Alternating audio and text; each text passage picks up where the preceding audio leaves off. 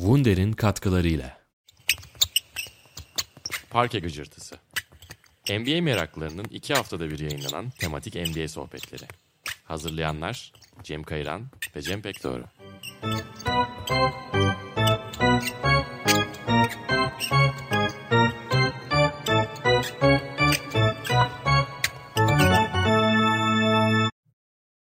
Wunder'in sunduğu Parke Gıcırtısı'ndan herkese merhabalar. Ben Cem Kayıran ve Cem Pekdoğru ile birlikte bu hafta bu programda çok sevdiğimiz, çok uzun zamandır ağırlamak için yolunu gözlediğimiz bir konuğumuz var. Kaan Kural'la birlikteyiz. Hoş geldin Kaan abi. Hoş bulduk. Ben de davet ettiğiniz için çok teşekkür ederim. Yani mail yazışmalarında en son bir 11 Mart 2020 yani böyle her şeyin öncesi gibi bir tarihte bir konuşma vardı. Ve Cem Kayıran'dan gelen ya ben pek iyi hissetmiyorum. Neyse aradan bir buçuk yılı aşkın zaman geçti ve buluşabildik. Sen nasılsın Cem pek doğru. ben de çok iyiyim. Hakikaten bir buçuk yıl gecikmeli de olsa Kaan abiyi ağırlamak bu programın hani böyle tik atılacak şeylerinden biri. Güzel de bir konumuz var Ee, ama muhabbete geçmeden önce ufak bir fark edenler olmuştur. İlk kez bir sponsorumuz, destekçimiz de var. Wunder bu bölümümüzün destekçisi. İstanbul'da yaşayanlar ve sneaker kültürüne ya da sneaker alışverişlerine meraklı olanlar zaten biliyorlardır ama Anadolu yakasında modada, Avrupa yakasında da teşvikiyede birer mağazası olan ünlü spor markalarının sınırlı sayıda çıkan spor ayakkabı modellerini de bulabildiğimiz ki bizim de özellikle sen bir Cafer Ağa Mahallesi muhtarı olarak moda mağazasının ben de pandemi öncesi açıldı galiba teşvikiye mağazaları.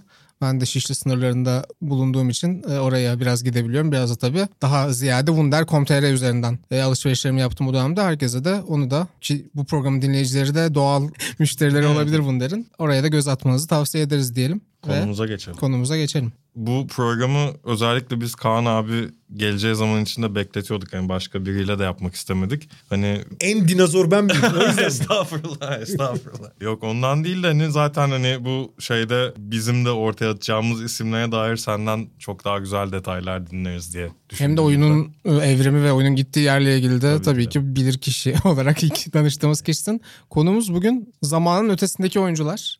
Yani biraz dünyaya 20 yıl 30 yıl daha erken gelmiş ve bunun da biraz ceremesini çekmiş bazı oyunculardan bir karma yapacağız. Evet. Bu şekilde özetleyebiliriz ama senin dönemler arası kıyaslara ve şu oyuncu bugün olsaydı gibi şeylere biraz mesafeli yaklaştığını biliyorum. Özellikle de tıbbi gelişim, genetik gelişim, spor biliminin gelişimi. Antrenman sistemlerinin antrenman biliminin gelişimiyle düşündüğünde bazı şeyler aslında havada kalıyor. Yani o oyuncuyu bugüne ışınlasan o yetenek seti ya da o atletizm bir anlam ifade etmeyebiliyor ama bugün biraz böyle eğlenceli bir zihin egzersizi yapacağız diyebiliriz. Ya şöyle genel itibariyle ya benim her zaman tekrar ettiğim bir şey var. Son 10 yılda basketbol geçtiğimiz 100 yıldan daha fazla değişti. Teorik anlamda ve stratejik anlamda. Dönemler arası kıyaslamaların şöyle küçük bir sakıncası oluyor. Kendi dönemine uygun şekilde oynamak zorunda oluyorlar. Yani Michael Jordan, Will Chamberlain ne bileyim ya da orta seviye işte oyuncular da da diyebilirsin.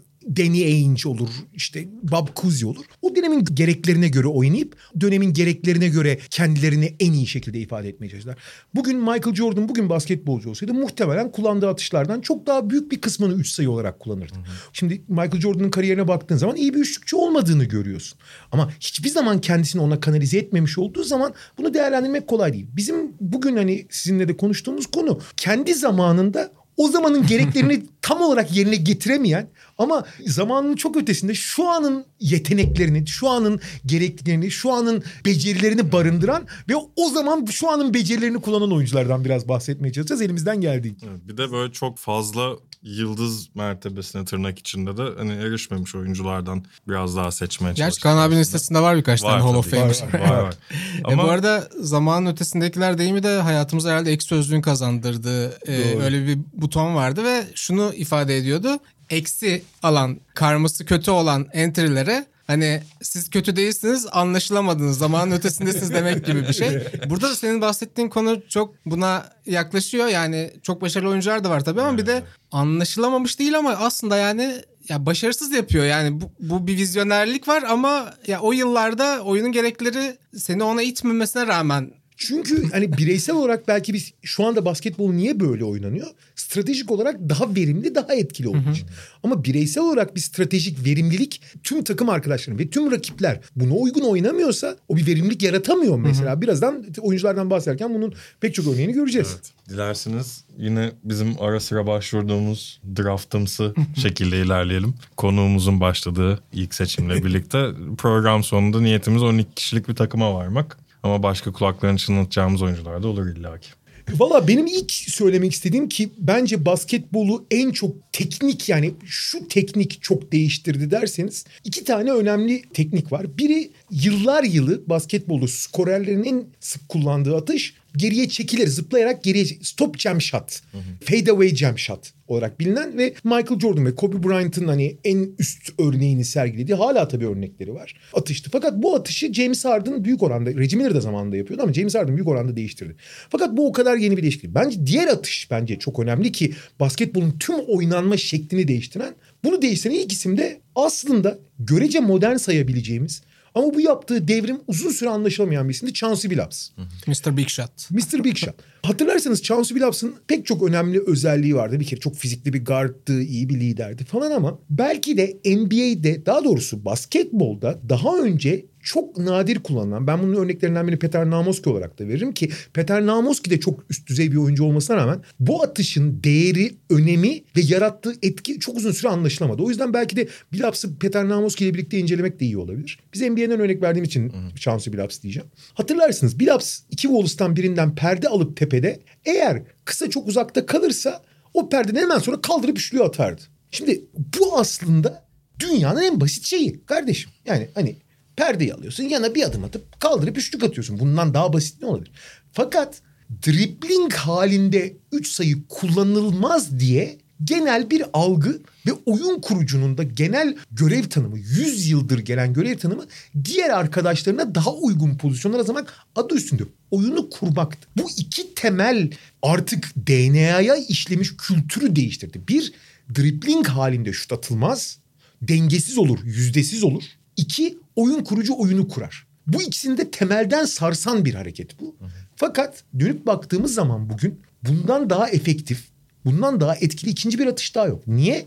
Herhangi bir organizasyon yapmaya ihtiyacın yok. Zaten görece basketbolun bugün ortalama veriminin eğer o şütör yeterince değerli bir şütörse, o bir Stephen Curry ise, ne bileyim o bir Chauncey Billups'sa, o bir Chris Paul ise zaten senin normal şartlarda üretebileceğin en verimli atışta kadar verimli hatta daha verimlisini üretiyor. Chauncey Billups bunu hatırlarsınız maç başına bir kere belki iki kere yapardı. Ben çoğu zaman Billups'ın o şampiyonluğa giden takımlarda bile bu pozisyonları 4-5 kere eline geçirmesine rağmen biraz utandığını zamanında Steve Nash bunu söylemişti.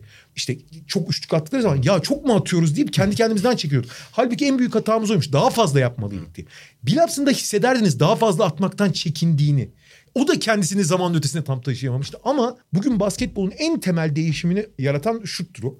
Bugün Chauncey Billups oynuyor olsaydı muhtemelen o açıdan 7-8 tane atacaktı. Ha ondan daha verimli yapanlar oluyor. Çünkü zaman içinde bunu atmaya oyuncular teşvik edildikçe daha çok çalıştılar vesaire. Yani Daha mesela. Detroit hücumunda Rip Hamilton'ın mid range'lerine biraz daha az önem verilecektir. Ama mesela Chauncey Billups ısrarla bir Hamilton mid-range'ini ararken, ısrarla post-up yapmış bir Rashid Wallace ararken bunu daha çok arayacaktı. Evet. Ama o açıdan bence Billups en kritik kapıyı açan isimlerden biridir. Aslında spacing'i yeniden tanımlarken hakikaten o limiti sınırları bir kez daha test eden bir oyuncuydu. Bugün tepedeki perdede sürekli adam değişilmesinin asıl sebebi pick and çok bu atışı engellemeye çalışmak. Rip Hamilton dedim mesela az önce ama şu anda hem Seth Partnoy'un bir kitabı çıkıyor The Mid Range Theory. Bir de bu hafta Ringer'da bilmiyorum denk geldiniz mi hatta dün okudum. Zach Cram'in bir yazısı. Aslında şeyi fark ediyorsun bu şut kalitesi ve şut seçimiyle ilgili 10 yıldır insanların buna e, uyanması bir noktada evet yani ilk adaptasyonu gösteren early adapters bundan büyük bir zaten rekabet avantajı sağladı işte Houston Rockets, Daryl Morey. Ama bugün artık gelindiğinde zaten hani en kötü yönetilen, en old school yönetilen front ofisler bile o karar mercilerini buna göre adapte ettiler ve artık orada bir kazanım alanı kalmadığına dair bir teorisi var. Yani işte beyzbolda da mesela benzer bir şey yaşandı diyor. İşte NFL'de mesela pas savunması o kadar gelişti ki bir noktada savunmalar bir anda koşuya cevap veremeye başladı ve bu yüzden işte belki bu Cam Newton'dır, Kaepernick'tir, işte Lamar Jackson gibi rush üzerinden sayı alabilen QB'ler öne çıktı. Mesela mid-range ile ilgili şu bu sezonun tabii erken veriler var ama e, şunu fark ediyorsun. Mesela şut seçimi açısından ligin kötü takımlarından biri Brooklyn. Çünkü çok fazla midrange kullanıyor ama o midrange'i Kevin Durant atınca bu e, verimli bir şut oluyor ve aslında EFG'ye kötü yansımıyor. Ama Houston istediği kadar yakın ikilikler ve üçlüklerle şey yapsın midrange'i elimine etsin. Oynayan oyuncular bu olunca yani tabii orada Silas'ın da önemli bir payı var. Ortaya bir şey çıkmıyor. Yani burada şeyi de düşünmek lazım. Rick Hamilton'a haksızlık mı ettim acaba diye düşünüyorum. Çünkü yani DeMar DeRozan, Kevin Durant atınca o midrange'leri aslında kaliteli şut oluyor. Yani kaliteli şut olmasa bile ya da atan oyuncuyu bulduğunda hücum etkinliğini iyi iyi bir bileşen oluyor. Ama stratejik felsefeyi bireysel bireyler üzerinden kurgulayamazsın abi. Yani genel toplamın üzerinden, takımın genel toplamı hatta ligin genel toplamı üzerinden değerlendiriyorsun. Ha o zaman da senin söylediğin şey şeyde çok değerli oluyor. Bütün planlar 3 sayıyı zorlaştırmak üzerine kurgulanınca hı hı. mesela pek çok takım midrange'i tamamen boş bıraktığı zaman o atışlar olduğunda daha da verimli hale geliyorlar. Aynen daha NFL örneğindeki gibi. Aynen öyle. Yani Carmelo Anthony de çok tartışılmadı mı zaten bu şey üzerinden. Chauncey Billups'la ilgili çok çok çok zorlama bir istatistik çıktı karşıma. Onu paylaşmak istiyorum. Hem LeBron James hem Kobe Bryant hem Michael Jordan'a karşı oynanan yani oynadığı maçlarda galibiyet yüzdesine sahip olan olan tek oyuncuymuş. Vay. Evet. İyiymiş aslında. Ya Bilaps'ın orada 7 All-Star'ı var. Tabii yani aslında birçok şeyi de gerçekleştirdi. Ki hatta şeyi düşünürsek o kariyerin ilk yıllarındaki o dolaştığı Toronto Minnesota verimsiz geçirdiği yıllar olmasa belki hani hmm. zaten şey olacak ama dediğim gibi bugün oyunu oyuna hükmeden oyunun kurallarını koyan bir oyuncu olarak hani çok daha büyük kontratlar alabilirdi. Evet. Bir de şey gibi bir intibam var yani böyle oynadığı her takımda çok iyi hatırlanan bir oyuncu gibi hani sonrasında. Çok hani... güçlü bir karakterdi evet. ya. Yani hem alfa agresif olmadan alfa olabilmek çok nadir bulunan bir durum. Ona sahip çok az sayıdaki isimden biri olabilir. Bir de tabii NBA tarihinin en çok terleyen 2-3 oyuncusundan biri olması gibi bir başka ilginç istatistiği de var. Benim de favori oyuncularımdan biriydi ya bizi. Yani Lakers'ı o 2004'te haşet etmelerine rağmen Billups ayrı bir gözle izleyip hep sevinirdim onun için. O zaman senle mi devam edelim Kayran? Olur. Ben bol R'li oyuncular seçtim. Ve ilk seçimim Brent Berry. Benim çok sevdiğim oyunculardan biriydi bu. Hem de ilk NBA'ye ilgi duyduğum dönemde de aktif Seattle Supersonics'te size'lı bir oyun kurucu olarak onu görmek çok hoşuma gidiyordu. Sen o zaman Tony Parker'ı pek sevmezsin. o konuları açmayalım şimdi. Burada zar zor kapandı zaten. yani özellikle ben Sonics yıllarından çok iyi hatırladığım, çok sevdiğim, sempati duyduğum birisi Gary Payton takası sonrası hatta işte orada birinci oyun kurucu şeyine de evriliyor. Ray Allen'ın takımda da. Hı hı. Gerek işte hani kanatta da oynayabilecek, forvette de oynayabilecek, yüzdeli şut atabilecek bir oyuncu. Birinci ball handler aslında. Evet. Gibi. evet. Ve yani lise yıllarında da aslında point guard oynamış. Yani bugün de hani böyle kanatta forvet pozisyonda oyunu yönlendirebilecek oyuncuların ne kadar değerli olduğunu birçok programımızda siz de sayın kural dillendiriyorsunuz. Bir yandan da hani böyle tatlı yine ona dair hatırladığımız şeylerden biri smaç yarışmalarının ilk beyaz şampiyonu olması. Hem de rookie sezonuydu diye hatırlıyorum yanlış hatırlamıyorsam. Hem smaç hem üçlük yarışmasına katıldığı bir sezon mu vardı? Aynı sezon değil de sonradan. Sonradan. Sonradan. Evet. Orada... Yalnız o eşofman üstünü çıkarmadan smaç yapmak ya. Formal yap abi. Ya galiba şey White Man Can Jump yazan bir tişört evet. hazırlamış galiba o gün için de sonra birilerini rahatsız edebilir bu diyerek bence doğru bir karardı. Eşofmanda. Oradan forma şey verirlerdi ya. Yani. Öngörü sahibi veriymiş. evet Spurs'da da iki şampiyonluğu var. Ve hani o zaman aslında hani takımın böyle hani yedek parçalarından biri ama hani hep Popovic'in oyununa ve hani Ginobili'li demin kulakların içine attığımız Tony Parker'lı işte çok takım takım olan düzende ben çok değerli bir parça olduğunu düşünüyorum Brent Barry'nin. Çok farklılık katan, esneklik katan evet. o geldiği zaman oyunu çok yani fizik ve oyun çok değişebiliyordu. Evet. Yani bugün oynuyor olsa hani böyle düzenli ilk 5 ve uzun süreler aldığı bir senaryoda hani böyle triple double ortalamalarına bile yaklaşabileceğini düşündüğüm oyunculardan biri. Oyun görüşü, şut yüzdesi, atletizmi her şeyiyle bence çok yönlü bir oyuncu. Beren'in kariyerinde de bence sanki iki farklı dönem var gibi. Seattle öncesi dönemde biraz da atletizme dayalı. Evet. Hatta bu Chicago'ya galiba tam Jordan sonrası dönemde o Tim Floyd koçluk yaptığı takımda hani artık topları bu kullanır diye alınan oyunculardan biri. Sonra kavga edip galiba sezon ortasında yılında mı gönderilmişti? Clippers dönemi falan da biraz öyle işte o evet. smaç yarışması yılları ama Seattle'dan sonra dediğin gibi oyun görüşünü falan genlerden de gelen. Ki ben John Barry'i de beğenirdim. Daha yeteneksiz üyesiydi ailenin ama. Şey tabii birazdan da konuşacağımız oyuncuların çoğu aslında biraz şeye girecek. Yani zamanın ötesinde dediğin zaman en önemli fark herhalde bir hani şutun değerinin artması ve evet. daha önce çok büyük şutör olup da diğer özellikleri sınırlı oyuncuların öne çıkması olacak. Birazdan konuşacağız. Bir diğer önemli faktör de bir zamanlar tweener denen yani hmm. pozisyonlar arası kalan oyuncuların ya işte bu mesela çok başarılı kolej kariyeri var ya da çok başarılı bir genç oyuncu ama iki mi üç mü belli değil, üç mü dört mü oynayacak belli değil. Bu çok büyük dezavantaj diye bahsedilen konu Hani bundan 10 yıl önce bir oyuncu için çok büyük bir dezavantajken, çok büyük bir eksiyken bugün tam tersine bırak eksiği artı yazan bir durum. Evet. Brad Pitt de mesela bunların en önemli örneklerinden biri bu bakımdan. Şey çok ilginç. Bu Peyton Real'ın takasının ardından oynanan ilk maç Milwaukee Seattle maçıymış. Ve işte hani böyle bir gün sonrası falan olduğu için takasın bu takaslanan oyuncular tabii ki oynamıyor. İki takım da çok dar kadroyla çıkıyorlar. 88-58 gibi bir skor var. Nefis. Ve işte Peyton'dan sonra işte hani ilk 5 oyun kurucu olarak Brent Berry oynuyor. 16 asist yapıyor. Takıma bakayım dedim hani kimlerle oynamış hani bu dar kadroda. Hani Rashard Lewis zaten en skoreri. Ama işte Predrag Drobnyak 16 şut kullanmış o maçta mesela. Hani... Bu arada Rashard Lewis de benim honorable mention olarak geçirebileceğim oyunculardan. Çünkü o da yine 3-4 arasında sıkışmış ve yine şut açısından birçok bahsedeceğimiz oyuncuya benzer bir profil. Ve 2009 Orlando'nun başarısındaki anahtar oyuncu aslında. Evet. Onun 4 numara oynatılıyor olması. Aslında o early adapter dedim ya onlardan biri zaten Stan Van Gundy ve Aynen. Lewis'i o şekilde kullanarak aslında Aynen. hani biraz 20 yıl değil de 10 yıl erken doğdun demiş oldum. O zaman Seattle'dan hazır başlamışken çok da e, Park Eagles'ın sevdiğimiz bir takım. Evet. Detlef Schrempf'le ki Park Eagles'ın 0. sezonunda Cem Kayran'ın Moda'daki evinde e, bir bahsettik kendisinden. Programın logosunu Schrempf yapacaktık. O zamandan beri 18 bölüm olmuş. Hiç adını almadık. Aa, Biraz da vefasızız. Anladık. Nasıl anmamış olabiliriz? Seattle, Seattle bölümünden evet Tabii orada konuşmuşuzdur. Ya Schrempf de Kaan abinin az önce söylediği gibi kariyerin çoğunu aslında kısa forvetten süre alarak geçirdi. Ama bugünün pozisyonsuz basketbolunda o çok yönlülüğü nelere yani potansiyeli nerelere çıkarırdı hakikaten düşünmek bile insanı heyecanlandırıyor. Yani Avrupalı kimliğini falan bir kenara koyuyorum ki zaten hani Washington Üniversitesi'nde okudu ve tam olarak da böyle bir Avrupa'dan Hani bir Kukoc Divac gibi bir oyuncu değildi tabii ama yani özellikle Indiana ve Seattle yıllarında 90'lı yıllarda işte hep zaten belki hani Almanya ortaklığının da etkisiyle Nowitzki'ye böyle alanı açan oyuncu gibi de bahsedilmiştir ama ya izledikçe iki onluk bir oyuncunun bu mobiliteye sahip olması, bu oyun görüşüne sahip olması ve bu range'de şut atabilmesi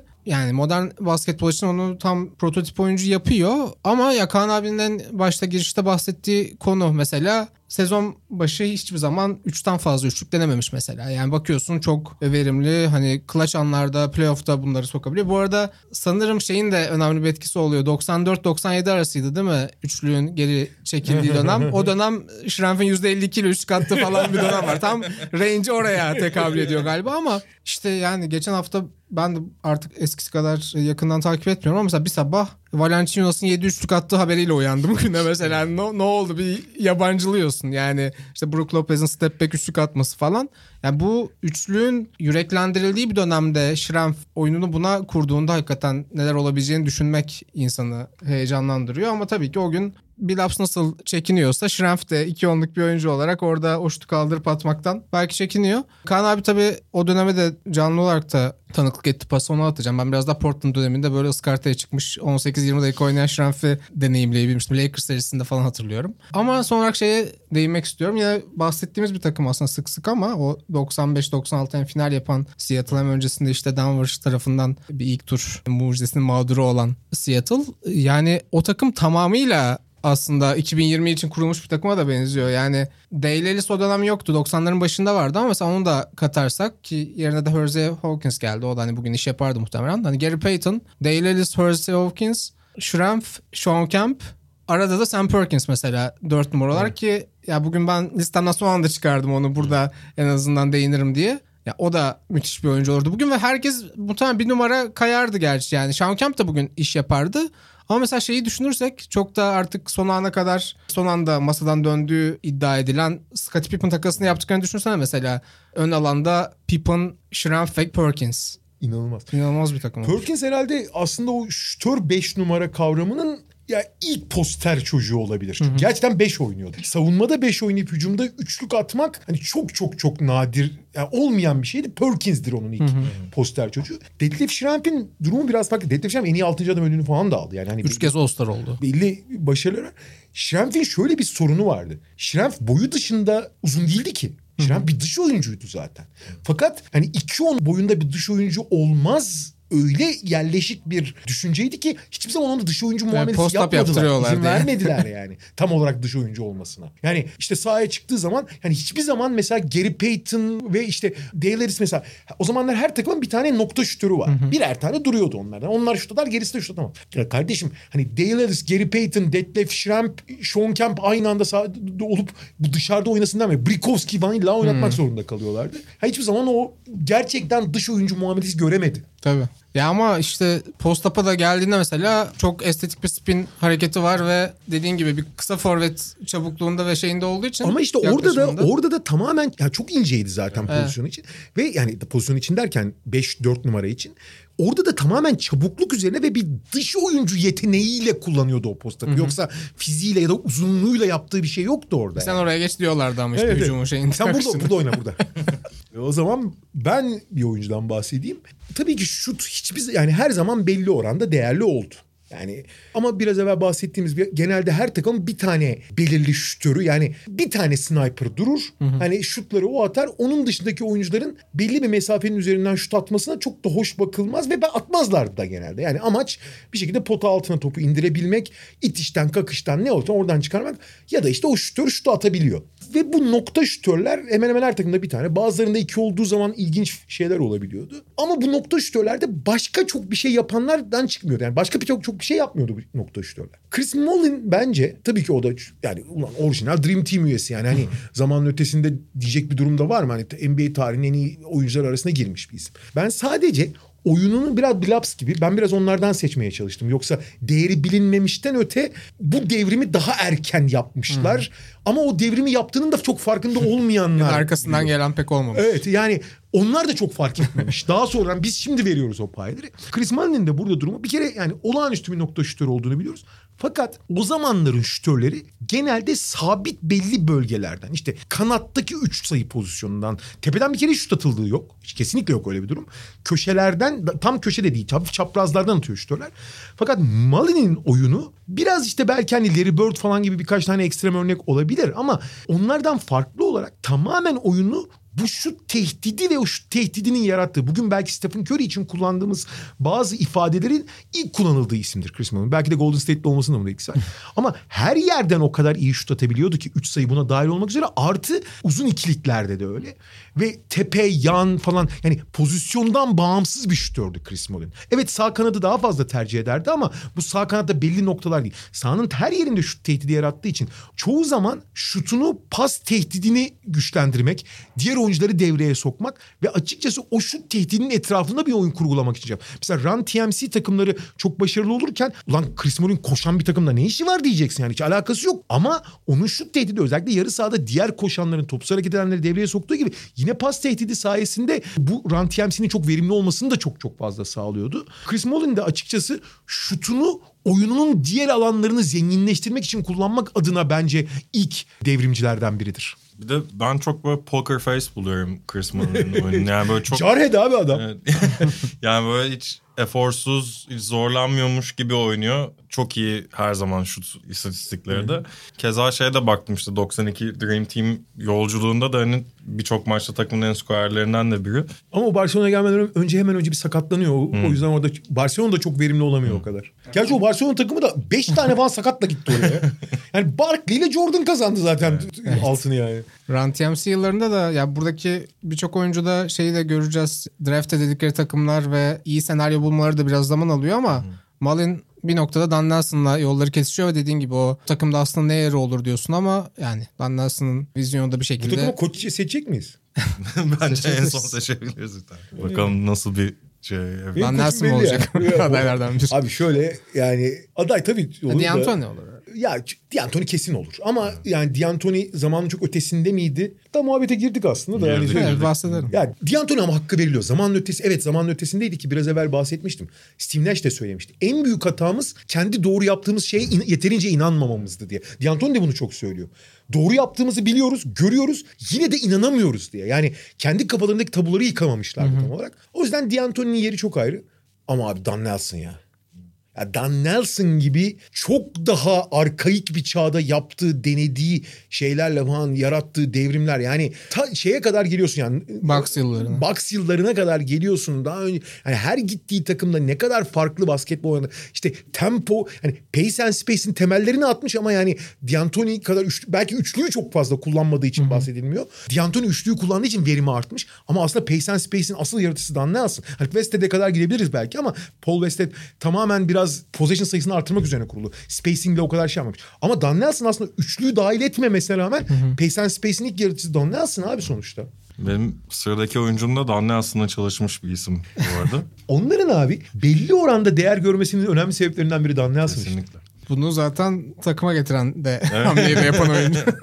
ya koç ve GM olarak çalışmış biri. Yani 98'de 3. sıradan seçiliyor bahsettiğimiz kişi. Nowitzki, Paul Pierce ve Vince Carter'ın önünde seçiliyor. Ralph LaFrance. Yani çağdaşlarının Shaq, Yao, Amar Stoudemire gibi pota altı devleri olduğu zaman ben en azından şeyden de hatırlıyorum. NBA Live oyunundan da bu kişiyle oynamak çok daha farklı ve keyifli dediğim birisiydi. Yani Ralph LaFrance üçlük atan bir uzun olarak demin Sam Perkins'ten de bahsettik hani ilk örneklerinden biri diye. Zamanının nadir parçalarından biri aslında yani Onu farklı kılan esas bu abi. Evet. Yani üçlük de atmıyor La France. Evet. La France üçlük, Üçlük atıyor. atıyor. Rolü Aynen, o yani. aynen. Direkt sıfat Evet. o. evet yani bir pivotun maç başına 6-7 üçlük isabeti bulduğunda takvim yılının 2005'i göstermesini beklemezsiniz en azından. O istatistik kağıdını gördüğünüzde. Ralph LaFrance hem yani hücumda kattığı genişlik ve opsiyonun yanı sıra savunmada da bayağı cabbar birisi. Yine maç başına böyle 8-9 blok yaptığı, ara sıra yaptığı performanslar da Maç var. başına da yavaş. Tabii o, zaman, o zamanlar fantezi oynayan olsun. Biz biliriz. Fantezi de çok değerli oyuncuydu ben zamanında bilirim. Ben de tam onu düşünüyordum yani bu program hazırlanırken. Bugün böyle bir olsa elimizde böyle bir parça bayağı fantezide kapışılan bir adam olurmuş diye. Ee, Ben o zamanlar oynuyordum. düşün bak. Düşün ne kadar arkaikim yani. VGM. Yok ben ciddi yavu fantezide mi? oynuyordum evet. Ya bu arada La France tabii ben o zamanlar işte NBA Stüdyo'dan haftada bir takip etmeye çalışıyorum. Hatta sanki Murat Kosor çok tutmuyor muydu La France'ı? Abi şöyle illa Murat Kosovo ile ilgili değil. Biraz evvel Ya motorla ilgili bir sıkıntısı vardı bence. Mesela blok rakamları iyiydi ama sonuçta hiç birebir temasa girmiyordu. Aynen. Ya sonuçta biraz zamanlama problemleri de var. Zaten hiçbir zaman çok üst düzey bir oyuncu olmamasının bir takım başka eksikleriyle alakası var. Yalnız şöyle bir şey vardı. Murat Kosova da çok sevmiyordu diye aklına. Abi genelde NBA'de hani 5 blok yapsa da 5 üçlük atsa da sanki abi o rolü kirletiyorsun. Şak yani çünkü Şak ile birlikte aynı dönemde oynadığı için. göre strateji kurmak zorundasın. Evet. Batı'daysan hele bir de. Ve yani Shaq tabii onun biraz şaikası klasik pivot performansının ki bütün pivot performansları onun o yönde. Sanki o rolü bozuyor ve işte kendi yapacağı işlerden kaçıyormuş gibi bir izlenim vardı. Hani adam 7'de 6 üçlük atsa 5 blok yapsa bile e, iyi ne yapalım falan gibi bir genel öyle bir hava var. Hani bu programın ya bu program için bence bir numaralı adaylardan biri. Hani en zamanın ötesinde diyebileceğin adam muhtemelen La Prence'ti. Çünkü çok eski olmamasına rağmen belki de Shaquille O'Neal'ın ligi domine ettiği bir dönemde olduğu için o rolün hani kaçak güreşen, o rolün hakkını veremeyen adamı gibi görülüyor. Halbuki de belli bir verimin üzerinde üçlük atan, dış atış atan ilk uzun belki de yani.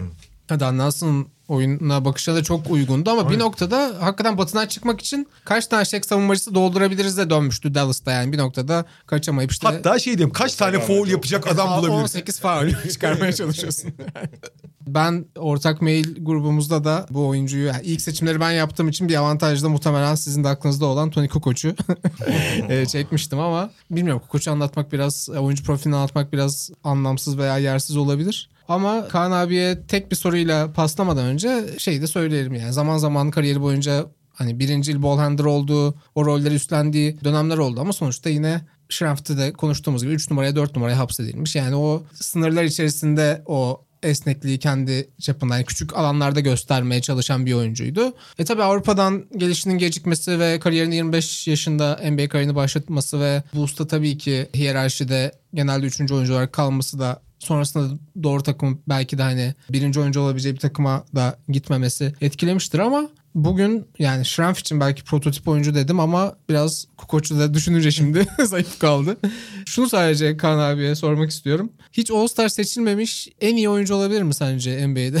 Ya oraya bir iki aday var beraber sayabileceğimiz. ya bunu tekrar böyle bir hayretle karşıladım çünkü ve düşündüm de sonra nasıl olacaktı? Ama e, biraz evvel La France için söylediklerimi daha katmerli bir şekilde Kukoc için söyleyebiliriz. O gerçekten yani çok yanlış bir. Yani çok çok erken geldi lige. Ve açıkçası senin söylediğin biraz da yanlış yerden geldi. Yani Chicago gibi zaten şampiyonluğu oynayan, zaten var olan çok değerli bir yapısı olan bir takımda onun yaratacağı, yapacağı katma değerlere ihtiyaç da çok fazla yoktu. Şimdi ilginç yanı Jordan ilk emekli olduğunda onu çok kullanmaya çalıştı ama orada da işte Phil Jackson onun aslında biraz farkına varmıştı ama çok da verimli olmadı. Biraz La France gibi işte yani ne gerek var sen asıl işini yap kardeşime geldi. Üç numaraya geç orada. Halbuki yani bugünün basketbolunda Kukoc olsaydı abi çok başka anlıyorduk. Yani LeBron'un orijinal hali olacaktı belki de. Doncic'in orijinal hali olacaktı. Ve onlardan daha uzun olarak. Yani abi unutmayın Kukoc 2-10'du. Ve olağanüstü bir saha görüşü. Harika yani çok iyi bir şutör olmasının dışında anormal iyi bir saha görüşü. Herkesin üzerinden şut atabilecek bir şut menzili. Tamam belki atletizm ve çabukluk olarak belli küçük dezavantajlar olabilir ki orada da çok dezavantajlı olduğunu düşünmüyorum ben. Ama yani Doncic'ten önce LeBron'dan önceki o heliosentrik dediğimiz her şeyin etrafına kurgulanabileceği oyuncu olacaktı aslında Doncic. Yani burada tabii Kukoc'un da şöyle bir dezavantajı var. Kukoc hiçbir zaman alfa bir karakter olmadı. Yani ne Yugoplastika'da dünyanın en iyi oyun yani Avrupa'nın en iyi oyuncusu olarak kabul edilirken daha sonra Benetton'a gittiğinde de öyle değildi genelde o kadar üst düzey oyuncular çünkü oynadığı her yerde Chicago'ya gelene kadar açık ara en iyi oyuncu. Keza Hırvat milli takımında da 92 olimpiyatına da gidiyoruz. Ama orada bile tamam Radja falan da çok değerli oyuncular ama Kukoc karakter itibariyle yani konuşmasını falan gördüğün zaman da alfa bir karakter değil. Bazı insanlar öyle değildir. Ama bu alfa rolü oynayamayacağı anlamına gelmiyor. Oynamak istemediği anlamına, ondan geri adım atacağı anlamına da gelmiyor.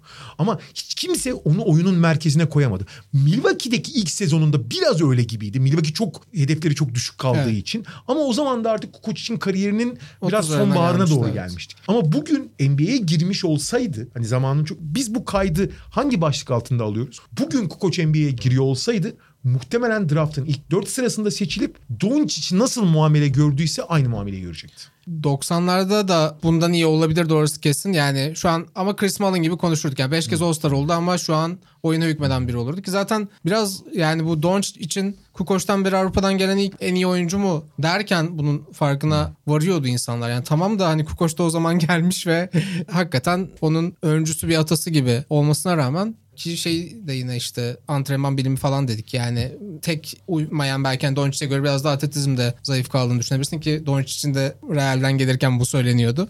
Yani hakikaten çok tartışılacak bir şey değil. Dino Radja dedin ilginç o da aslında yine honorable mention olarak Tabii. ya burada şey değil yani oyunuyla ilgili Radja 2010'ların 2020'lerin basketbolunu oynamıyordu belki ama şöyle bir kariyerinde şey var tabii. Kukoc için de geçerli olan kısmen e, Yugoslavya'dan ayrılmasına izin verilmiyor. Hatta onun ciddi Boston'a gelişiyle ilgili problemler oluyor.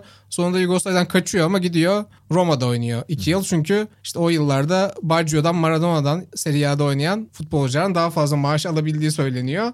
İşte hatırlarsınız Danny Ferry Clippers'a gitmek istemediği için yine Roma'ya gitmişti. Hatta aynı takıma gitmişti. Brian Shaw'la birlikte oynamışlardı. Yani bir de Kukoc ve Radja için öyle bir durumda var. Yani basketbol oyunun gittiği yer onlar için iyi bir yer. Aynı zamanda da politik iklimin gittiği yer. Yani Doncic gibi 20'lerin başında gelip işte Raja'nın toplam 4 yıl 5 yıl herhalde kariyeri oluyor. Öyle NBA ama kariyeri. düzenli 20, verimli 20 20, sayı 20, evet. 20 10 Yani kötü bir Boston zaten. dönemi ama onun da bir All-Star kariyeri olabilirdi gayet. Avrupalılar ve NBA etkisi demişken biraz belki hüzünlü olacak ama yani bu oyunla da alakalı. Sadece biz çünkü oyun tarafından bakıyoruz. Yoksa sakatlıklar için pek çok kişinin zamanının ötesinde olduğunu ve şanslık yaşadığını söyleyebiliriz. Ama biz oyunu açısından bakıyoruz. Çünkü NBA'ye geldi. NBA'de de görece etkili oldu ama başka bir zamanda gelse ve daha efektif kullanılabileceği bir zamanda olsaydı biraz evvel işte Doğu bloku etkisiyle NBA'ye gelmesi engellendi dediği için tam yerine geldi. Arvidas Sabonis. Tabii ki. Benim hadi iyiden iyiye öyle söyledin yaşım iyiden dinozorluğum ortaya çıkacak ama ben 86 Dünya Şampiyonası ve 88 Olimpiyatlarını seyrettim. İkisinde de David Robinson'a karşı oynadı Albert Sabonis. Yani David Robinson'ın aklını yemek istemem ama paçavraya çevirdi ya. Yani 80'lerin ortası ve ikinci yarısında Sabonis'i seyretseydiniz e, tabii ki bir oyuncunun kariyer gelişimini öngörmek çok kolay değil. Ama Sabonis bugün tarihin en iyi uzunu tartışmasında Will Chamberlain mi, Karim Abdul-Jabbar mı, Sabonis mi? Muhtemelen Sabonis diye olabilirdik. Çünkü Sabonis 2.20 boyunda görebileceğiniz en atlet, en hareketli ve hiç o zamanlar düşünmeyen birazdan uzun uzun bahsettik tekrarlamayacağım. Dışarıdan şut atabilen, 3 sayı kullanabilen ve olağanüstü sağ görüşüyle sahayı inanılmaz yöneten bir 5 numaraydı. Yani bugün LeBron için, Doncic için söylediğimiz şeyleri 5 numaradan yapan bir oyuncu. Bugün yok için daha atlet, daha uzunluğu düşünebiliyor musunuz ya?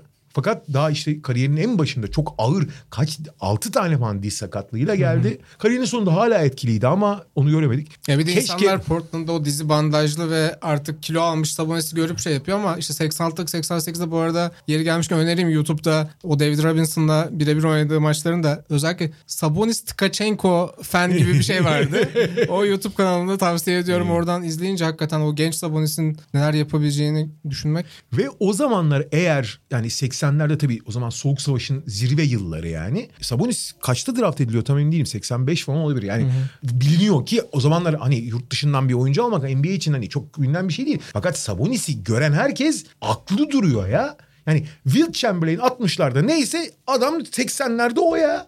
Yani böyle bir David Robinson'ı denize dökmek ne demek ya? Yani olacak değil yarattığı farkı anlatamam yani. Biliniyor ama hiçbir zaman NBA'ye tabii ki soğuk savaş etkisi dolayısıyla NBA'ye izin verilmiyor. Ayto Garcia Reneses bizim Sokrates Almanya'ya bir röportaj verdi. Onu 86'da sorduklarını da getirebiliyorsanız birinci sıradan seçin demiş mesela NBA scoutlarına. O scouting'in biraz arkaik yılları. İspanya'da bir koç var bizim soralım diyorlar. Şöyle ama izleyen herkes de zaten hem fikir. Evet. Amerikalıların o zaman ya bu Amerikan sporu Avrupalılar ne anlar dönemi olmasına rağmen hı hı. herkes şeyin farkında. David Robinson o jenerasyonun açık ara en iyi oyuncusu kabul ediliyor. Yani şeyindir Sabonis'in yanında ikinci sınıf gözüküyor David Robinson. Yani bir daha tekrar ediyorum. Yok için daha uzun daha atletiydi ya.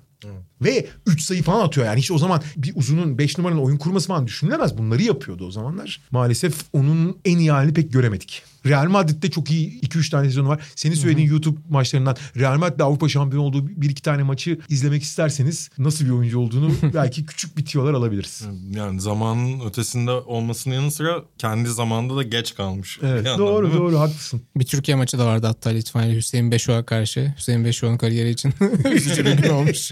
ya sonuçta adam David Robinson'ın kariyerine zede vermiş. Hüseyin Beşoğ yani daha bir şey herkese yapmış. Kişisel almasın Hüseyin. evet yani şimdi böyle iki yüksek oktavlı ismin ardından ne alaka dedirtebilir ama ben Tim Thomas'la devam etmek istiyorum. Sempati duyduğum iki takımın iki sevdiğim döneminde onların kadrosunda yer almış olması ki burada Buğra'yı konuk ettiğimiz bölümde hmm. de benim kadromda vardı. Sen seviyorsun ama çok saç baş yoldurmaz mı be abi? Yoldur yani evet. zaten hani savunmada falan hiçbir şey yaptığından bahsetmeyeceğiz muhtemelen şimdi de olsa ama yani zaten yakın zamanda kulakların için attığımız için o kadar da uzun tutmayayım burada Tim Thomas'ta. Milletin de canı sıkılmasın. ben Tim Thomas adı her geçtiğinde liseden ilk gelenlerden biriydi diye düşünüyorum. Sonra bakıyorum üniversite oynamış ama o kadar listeli profiline uygun bir karar Şöyle, mekanizması vardı ki. Abi 4 sene üniversite okuyor. 4 sene 2 sene master yapıyor ama kafa değişmiyor abi. Aynen öyle. Aslında hani böyle hücumda biraz yine çok yönlü çok farklı getirileri olduğunu düşündüğüm bir oyuncu. Hem size'ıyla hani 3 ve 4 oynayan tipte yine bu programda birçok kez söylediğimiz birçok oyuncu için.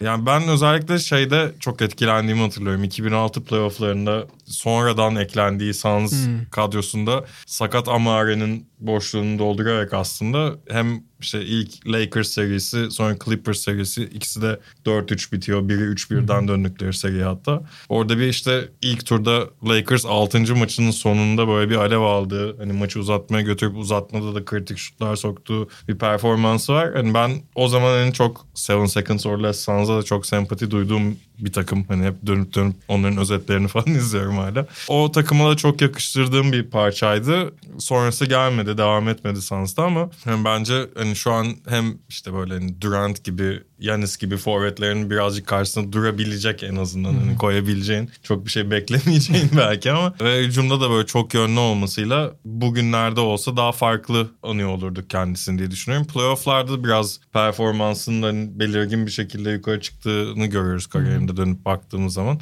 55-60 playoff maçı oynamış çok da değil belki ama gerçekten ortalamaları vesaire normal sezona göre hep daha iyi. Bir de Milwaukee'de şöyle bir durum vardı bu yine George Karl'ın yönettiği takımlarda. Big Three'nin yanında iki tane böyle çok old school uzunla oynuyorlardı genelde. Scott Williams, Irvin Johnson bir iki oyuncu daha vardı. Tim Thomas kenardan gelip stretch for oynuyordu aslında ve ya da 3 oynasa bile bir hakikaten oyunu değiştiren tam böyle hani o kuralına göre giden şeyi değiştiren o nehire atılan bir taş etkisi yaratıyordu. Ya bugün Zaman- böyle oyuncuların daha fazla bir alanı var İşte kesinlikle. zamanın ötesinde derken herhalde ya Tim Thomas'a en önemli örneklerinden biri olur mu bilmiyorum ama şöyle bir örnek var. Power forward pozisyonundaki power'ın anlamsızlaştıran isimlerden biri. Bugün power forward daha doğrusu power forward falan artık kalmadı da 4 numara pozisyonda oynayan oyuncuya power forward deniyordu bir zamanlar. Bugün kimse power forward yani güce dayalı forward demiyor. Tim Thomas onu değiştiren ilk önemli örneklerden biri muhtemelen. Ya basketbol evrimi nereye gideceği belli olmaz her zaman çok doğrusal ilerlemiyor diyoruz ama mesela bir Carmelo'nun MVP düzeyinde olacağı bir dünya gelmeyecek. Çünkü o power Evet, forvet doğru, doğru. olmayacak ya da işte post-up'tan bunu yapan. Bana mı Ya mesela tekrar? düşünüyorum da mesela buraya da alabilirdik. Mesela o dönemin en etkili power forwardleri Charles Barkley ve Karl Malone. Ne kadar farklı oyuncular değil mi? Ama bugün Charles Barkley hala olağanüstü olur. Yani takır takır da oynar hatta daha da iyi oynar. Coast to coast gidebilen, Evet. ball handling'i olan bir oyuncu çünkü. Aynen. 3 sayı atan. Gerçi çok güzel atmıyordu ama muhtemelen daha güzel atıyor. Bugün daha fazla atar. evet. O zaman yani burada politik aktivizmiyle daha önce gündemimize girmişti. Çok fazla Türkiye'de anlatılan anekdotlar da vardır. Ama biz bir de zamanın ötesindeki oyuncu olarak e, burada bir kredi verelim. Mahmut Abdurrauf LSU'dan Chris Jackson adıyla çıkan ki yani potansiyeli o günlerde biliniyordu. Üçüncü sıra seçimi yanlış hatırlamıyorsam. Müthiş bir atletti. Mesafe tanımayan bir şutördü ve çok iyi bir skorerdi. Zaten NBA'de de kısa bir ömrü olsa da bu patlayıcılığını gösterdiği dönemler oldu Denver'da ki onun da ilk koçu Paul Westhead'ti bu arada. Ama kariyerine baktığında işte Trey Young izledikçe insanlar Mahmut Abdurrauf'u hatırlayabiliyor. Yani bir Stephen Curry etkisi yaratmayacaktı belki ama çok daha verimli kullanabilecek ve işte yine aslında bu bir numara mı iki numara mı denen oyunculardan biriydi ama doğrudan artık bir numaranın oyun kurmak ya da işte Türkiye'de öyle çevirdik playmaker diyoruz ama oyunu kurmak gibi bir zorunluluğu yok kabulüyle eğer NBA'ye giriş yapsaydı çok daha özel bir kariyeri olabilir. Tabi burada bazı oyuncular için sakatlıktan bahsediyoruz. Bazı oyuncular için soğuk savaştan bahsediyoruz. Abdülrauf için de 96'daki Ulusal Marş vakası sonrası aslında bugün çok fazla kişinin inkar etmediği bir şekilde de blackballing'e uğrayan oyunculardan biri olarak da kariyeri biraz erken sona erdi. İşte Kariyerin erken sona ermesini geçtim. O olaylardan sonra biliyorsun serbest atış parametresini değiştirdiler. NBA tarihinin en yüksek düzeyde serbest atış atan oyuncusu Mahmut Abdülrauf'tu. 1000 denemeden 1200 denemeye, alt limiti 1200 denemeye çıkardıkları için o 1198 deneme mi ne o yüzden dışarıda kaldı. Aslında o parametreyi yani minimum deneme sayısını artırmasalardı NBA tarihinin en çok en yüksek düzeyde serbest atış atan oyuncusu olarak tarihte kalacaktı. O rekor kitabından silmek için parametreyi değiştirdiler. sonra ama Jose Calderon geçiyor. O sezonluk geçiyor ama. Tabii tabii yani. Kariyerde Sonrasında. şu anda Stephen Curry'nin bir numara yani yoksa Mahmut Abdurrauf bir numara olacaktı kariyerde. Peki başka bir ben sana bir şey sorayım abi. Mahmut Abdurrauf Stephen Curry'den sonra yani Stephen Curry'nin şu ana kadar yaptığından sonra lige girseydi nasıl davranırdı abi? Yani ona bir Stephen Curry rolü biçilmez miydi ya? İşte Trae Young diyorum biraz. Evet yani Trey Young'da son- sonuçta teorik olarak Trey Young'a da biraz daha ama şöyle Trey Young tabii olağanüstü bir pasör olduğu için biraz ben ayırıyorum onları. evet. Yani fizik olarak çok benzediği için falan çok benzetiyorum. atletizmle ilgili bir upper hand'i var. Mahmut Farklı Abdülrauf aslında, evet. kötü bir pasör değildi ama iyi bir pasör olarak anacağımız bir oyuncu değildi. Yani abi Abdülrauf tam bir Stephen Curry olarak kullanabileceğin oyuncuydu ya. Stephen Curry'e ne rol veriyorsan aynısını verebilirdi. Tabii aynı ölçekte yapacağını iddia etmiyorum. Ve şunu- öyle kullanabilirdi yani. Yani insanlar tabii şu an şeyde de izliyorlar. Ice, Ice Cube'un liginde de ben hakikaten 50 yaşındaki Abdülrauf'u özel olarak izliyorum YouTube'dan ve ya genelde de aslında 30'larının ikinci yarısında ya da 40'larında olan basketbolu yeni bırakmış oyunculara bayağı ders veriyor. Ama yani kariyeri boyunca aslında e, %40'ın üzerinde %53'lük attığı bir sezon yok. Üçten fazla deneme yaptığı bir sezon yok yani önemli süreler alıyor. Yani dediğin gibi o o şekilde kullanılan bir oyuncu değildi. O şekilde anlaşılan bir oyuncu da değildi. Yani o range'i sadece potansiyel olarak konuştuğumuz bir şeydi. Paul Westhead bile hani zaten çılgın tempoda koşturuyordu yani. Ama neler olabilir ya bir volume shooter olarak kullanılsaydı bir de hani 10 top kullanabilirsin sen dışarıdan denseydi hakikaten tabii bunları da yaşamasaydı müthiş bir kariyeri olabilirdi. E, bir de burada da honorable mention olarak Dana Barros'tan da biraz bahsedeceğim. O da yani her takımın bir tane cezacısı olur diyorsun ama hani Barros biraz fazlasıydı bundan ve onu da mesela All-Star olmadan kariyerini bitirdi. Onun da en büyük şansı. Bir, bir yıl oldu galiba All-Star. Abi bak mesela bugün Stephen Curry pek o kadar çok şeyi kafamızda değiştirmiş ki. Mesela ideal şut stili diye bir şey var değil mi? Hani atıyorum bunun herhalde Ray Allen mesela çok iyi örnekte. Harun Erdanay mesela kusursuz teknik. Yani hani videosunu koy e, şu tekniği Picture dersi olur. perfect. Evet. Abi Stephen Curry mesela kötü bir tekniğe sahip aslında. Böyle hani hakikaten gözünden böyle fırlatır gibi atıyor. Ama o tabii büyük avantajlar söylerken yapmış. Abi Deneberes'in en büyük dezavantajlarından biri de defolu gözüken bir stil olmasıydı. Halbuki herif yüzde kırkla atıyor kardeşim bırak atsın. Taç atar gibi attığı için biraz. Ve yani işte o da hızlı çıkarıyordu diye Tabii, tabii, hatırlıyorum. Yani çok büyük bir O avantajları kadar vardı. kısa olduğun zaman hızlı çıkarmak zorundasın abi. Zaman içinde öğreniyorsun onu yani. Abdurrauf da tabii 1.85'ti bu arada ama atletizmiyle onu telafi edebiliyordu hakikaten. Yani tek pota oynanan bir lig olarak bugün geri dönmüş olsaydı NBA bayağı başarılı olurdu bence. Ama valla tam bir Curry rolü biçilirdi ona diyorum ya. Son turda da ben evet o da ben, ben genelde başarılı olmuş ama hani bir taraftan da devrim yapmış oyunculardan. biri. Bu çok devrim yapmadı ama aslında bugün bir oyun kurucu daha doğrusu bir numara dediğiniz oyuncudan istediğiniz her şeyi zamanında barındıran ama o zamanın gerekleri şu anın gereklerinden farklı olduğu için belki de tam verimli olamamış birisinden bahsedeceğim Mark Price'tan. Yani Steve Nash ile çok kıyaslanır o Steve Nash'in oyun stili. Ama olağanüstü bir şutör olmasının dışında bunu biraz işte Chris Mullin'den bahsettiğim gibi biraz diğer oyunculardan bahsedeyim. Yani şut tehdidini oyun yönlendirme tehdidiyle birleştirebilen zaten olağanüstü bir şutör olduğunu şeyden alıyoruz. NBA tarihinin en iyi serbest açı kullanan üçüncü oyuncusu yani. Ama o zamanlar biraz evvel bahsettiğimiz çok fazla üçlük kullanılmadığı için bunu çok da fazla kullanmayan bu tehdidi hep tehdit yönünde daha fazla kullanmak zorunda kalan bir isimdi ve maalesef o da kariyeri biraz sakatlıklar yüzünden erken bitmiş olsa da bugün bir numara için istediğin her şeyi o zamanlar barındırıyordu. Onunla da etkili oldu ama bugün olsa çok daha etkili olurdu Mark Price herhalde. 50-40-90 Evet. 50 orijinali. aynen. Ama işte üçlüyü o kadar az atıyordu ki sadece onun tehdidini çok iyi kullanıyordu. Bizim draft piyangoları bölümümüzde de bir Mark Price hayranı Arda Tümer'i konuk ettiğimiz için o da ikinci turun başlarında seçiliyordu galiba. Ama epey bir hani herkes 5 dakika konuşurken onu 15 dakika konuşmuştuk. Ya bir de LeBron gelene kadar Cleveland rekorlarının büyük kısmında adı yazan hani bireysel Şey acaba Doherty'li Price'lı takım o kadar erken sakatlanmasa ya da ne bileyim Jordan'a toslamasa falan ne olabilirdi? Klasik vatif sorularından biridir. Craig yani. O an yaşanmasa. Evet, bir de fan favorisi oyunculardan biri hep galiba böyle çok sembol oyunculardan Tabii. biri. Belediye başkanı. Saç kesimiyle. Benim son tur seçimimde yani bana savunma izlemeyi sevdiren oyuncu diyebilirim Doug Christie için. Vay. Ya özellikle Sacramento Kings döneminde hani benim kendisiyle tanıştığım dönem. Yani hep böyle sahada sürekli konuşan hani kendi takım arkadaşlarıyla da rakiple de bol bol konuşan. Bazen kendi kendine de. Bazen kendi kendine de konuşan. Hep yani şey bir takım röportajlarında da bahsediyor bunu yani. Böyle sahada birbiriyle konuşan, iletişim içinde olan takımların hep iyi savunma takımları olduğunu görürsünüz diye. Yani böyle hep sahaya yüzde yüz %110'unu verdiğini bildiğin, ona emin olduğun oyunculardan biri. Bir kez aynı şutları da ortalamanın üzerinde her zaman seyretmiş bir isim. Tam bir 3D oyuncusu olur. Evet yani hani bir yandan da hani yarı sahada topu kapıp kendi başına direkt bitirebilir. Flash'ı bir pas verip jeneriklere girebilir. Hani böyle izlemesi her zaman çok keyif aldığım oyunculardan biriydi. Chris Solak'tı değil mi? Yok. Değil. Değil miydi? Yok. Değil. Bir böyle oyununda ortodoks olmayan bir yan vardı gibi hatırlıyorum. Her şey ortodoks.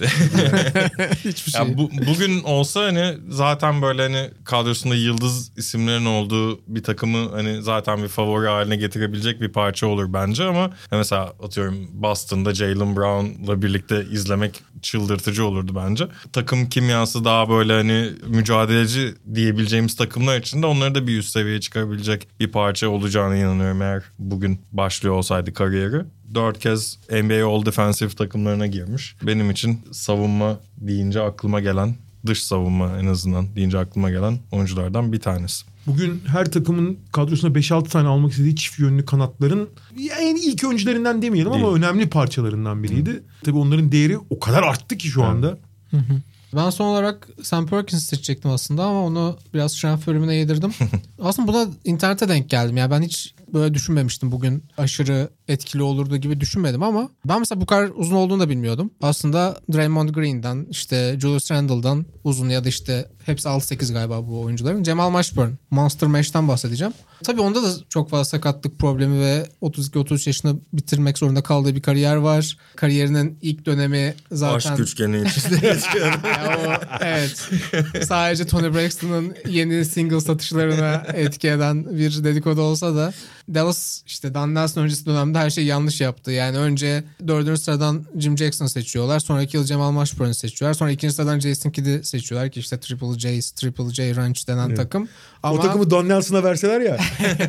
abi yok o yine o kavgaya engel olamazdı. Doğru. Jim Jackson Cemal Mashburn kararını çok geç veren bir franchise her şeyden önce. İlk sezon çaylak bir koça veriyorlar. Zaten takım karışıyor. Sonra bu sefer tecrübeli birini getirelim deyip e, usta koç duayen Dick Mata'yı getiriyor. O da hani dünya barışına inanmak için hala sebeplerimiz var. Jim Jackson'la Cemal Mashburn'de barışabilir diyor. Sonra Jim Clemens'ı getirip bu takıma bir de üçgen oynatmaya çalışıyorlar. Jason Kidd geldikten sonra her şey çok kötü. Yani zaten Jim Jackson o yıllarda gerçekten hani sonra ben sevmiştim o Phoenix döneminde falan ama o yıllarda bayağı toksik bir karakterdi. Ve biraz o 5 yılı öyle aslında Kidd'in Jackson'ın gölgesine geçiriyor Mashburn. E ama dediğim gibi yani işte bugün Draymond Green olamazdı. Yani Mashburn öyle bir savunma adammışlığı ya da motor olarak da öyle bir oyuncu değildi ama yani işte biraz Kawhi Leonard light, biraz Julius Randle yani böyle 3 numaralara hem skorunu yaratabilen hem işte müthiş 3 sayı oyuncusu olmadı o. Yani mid range'i daha etkin kullanan bir oyuncuydu belki ama bugün çok daha fazla değer verileceğini ve o işte ancak Hornets'a geçtiğinde birinci oyuncu olabilmişti. Onu çok daha erken dönemlerde bence yakalayabilirdi. Miami'de de mesela gittiği takımda Alonzo Mourning'de Tim Hardaway vardı. Yine üçüncü opsiyona düşüyordu ki işte kenardan gelen de işte Terry Porter'lar, Washon Leonard'lar, PJ Brown'lar onlar da çok top kullanıyordu. Orada da tam yani doğru senaryoyu bulmakla ilgili de sıkıntılar yaşadı ama bugünün NBA'inde sanki bir takımın her şeyi ona emanet etmesi daha kolay olurdu gibi geliyor. Olabilir. Burada bitirdik herhalde değil mi? 12 kişi seçtik. 12 kişi. Takımımız tamam. Burada hiç bahsetmemiş olmamız beni ayrıca hoşuma gitti.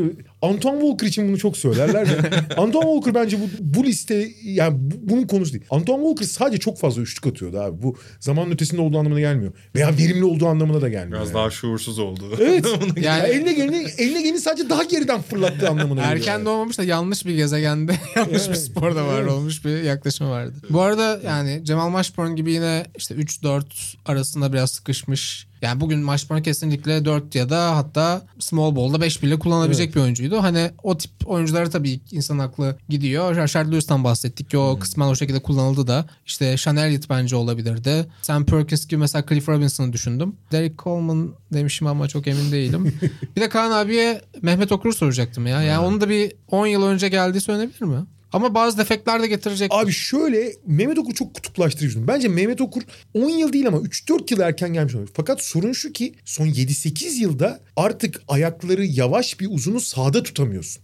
Dünyanın en iyi olsa bile. Yani bence Mehmet biraz çok değil ama biraz erken geldi. Yani 3-4 yıl sonra gelse belki daha da etkili olurdu ama 3-4 yıl değil 7-8 yıl sonra gelseydi de Kötü senaryoyu yaşayabiliriz. Evet hiç sahaya çıkamayacak durumda olabilirdi. Evet, biraz- savunmadaki hareket eksikliği yüzünden. Bence iyi sadece çok az daha erken geldi diyebiliriz. Yani Ya da o evet- sakatlığı yaşamayıp biraz daha devam Ha, ettirebilseydi. Ha, mesela çok daha iyi bir senaryo olurdu. Kesinlikle. Bir de yine Mehmet'in de takım arkadaşı olmuş ve döneminde büyük tesir bırakmış bence.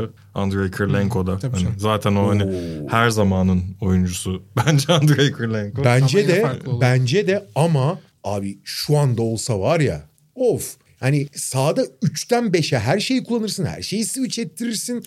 Yani şey gibi ya şu anda NBA'deki en değerli 10 oyuncu arasında kabul edilirdi muhtemelen yani. Yani pozisyonsuz basketbolu zaten pozisyonsuz oynayan bir oyuncuydu 2000'lerde de. Aynen öyle. Aynen öyleydi.